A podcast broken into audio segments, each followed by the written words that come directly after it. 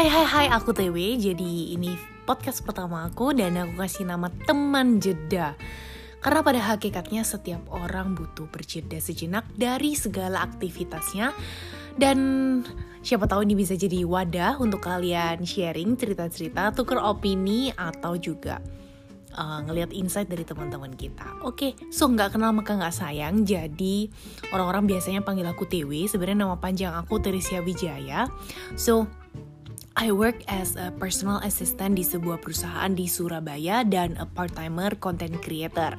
Jadi di podcast ke depan aku bakal banyak bahas tentang relationship, millennial, lifestyle, uh, mungkin investment juga, bisnis, dan yang relate sama kehidupan anak muda. So, enjoy this podcast.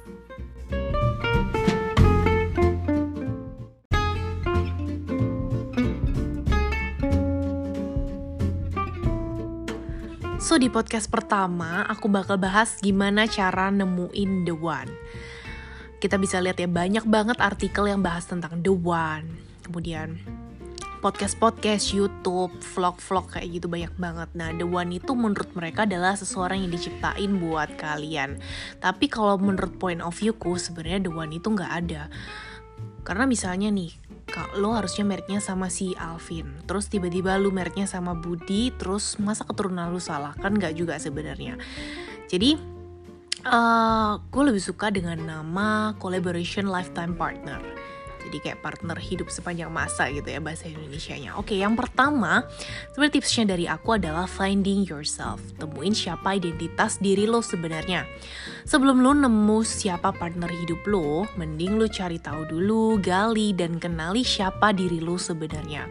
Value apa yang benar-benar kalian anut dalam diri kalian, visi apa yang bener-bener pingin kalian capai, weakness apa atau kelemahan apa dalam diri kalian, strength atau kelebihan dalam diri kalian. Dan yang paling penting adalah apakah lo bisa tanggung jawab atas diri lo sendiri. Boro-boro gitu ya bertanggung jawab atas rumah tangga nanti. Tanggung jawab atas diri lo aja gak kelar-kelar. Nah gue punya analogi nih. Jadi Ibaratnya nih, kita nih adalah sebuah brand atau company yang lagi cari karyawan.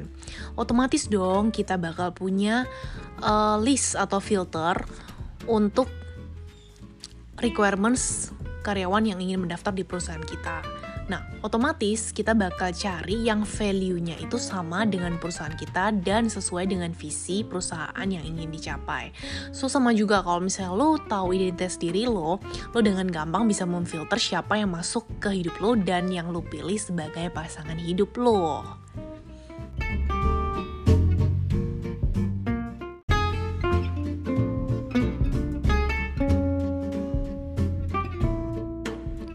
Nah, yang kedua udah kelar dengan masa lalu masing-masing, alias bahasa gaulnya move on. Pastiin kalian berdua udah bebas dari masa lalu kalian, karena nggak mungkin dong sesuatu yang baru dimulai kalau masih ada sisa luka dari lembaran lama. Jadi luka yang masih bersisa itu pasti nambahin luka dalam hubungan baru kalian. Jadi kasih jeda dulu sebelum kalian mulai membangun yang baru percaya pada proses penyembuhannya, setia, sabar menanti. Ibarat luka yang basah itu kalau dikorek-korek nantinya malah jadi borok.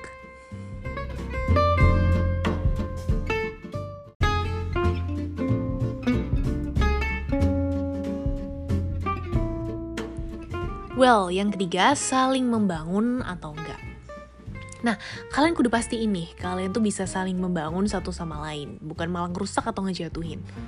Karena banyak loh, kayak akhir-akhir ini teman-teman aku cerita gitu ya.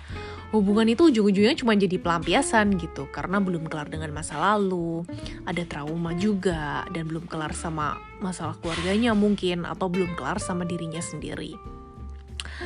Kalau pacaran tapi nggak bikin value hidup kalian nambah gitu ya, menurut gue sih buat apa pacaran gitu apa kalian bisa jadi diri diri kalian sendiri, deket sama Tuhan atau keluarga atau malah sebaliknya.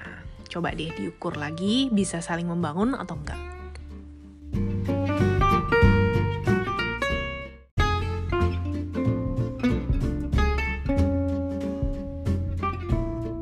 Yang keempat, bisa kompromi satu sama lain. Nah penting nih untuk kalian bisa kompromi dengan kelemahan pasangan kalian. Kalau kelebihan mah gampang-gampang aja gitu kan. Tapi yang susah adalah ketika kita bisa menerima pasangan kita dengan segala kelemahan dan kekurangannya kompromi sama keadaan keluarga mereka, kompromi sama keadaan kalau mereka marah. Gue nih pernah nih ya tulis di Instagram.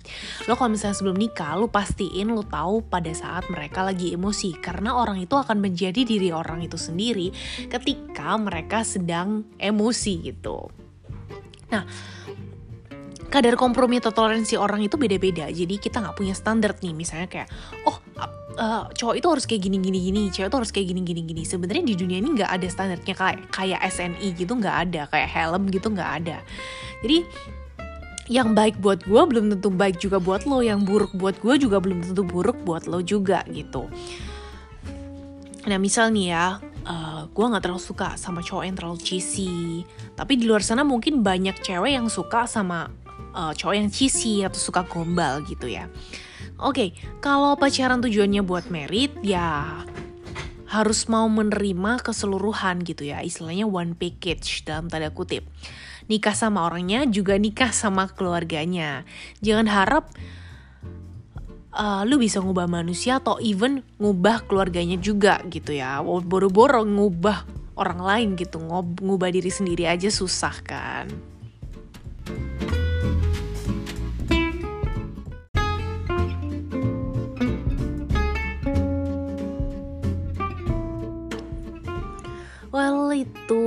Rangkuman dari POV gue atau point of view gue dari pengalaman dan pelajaran yang gue dapat selama gue hidup.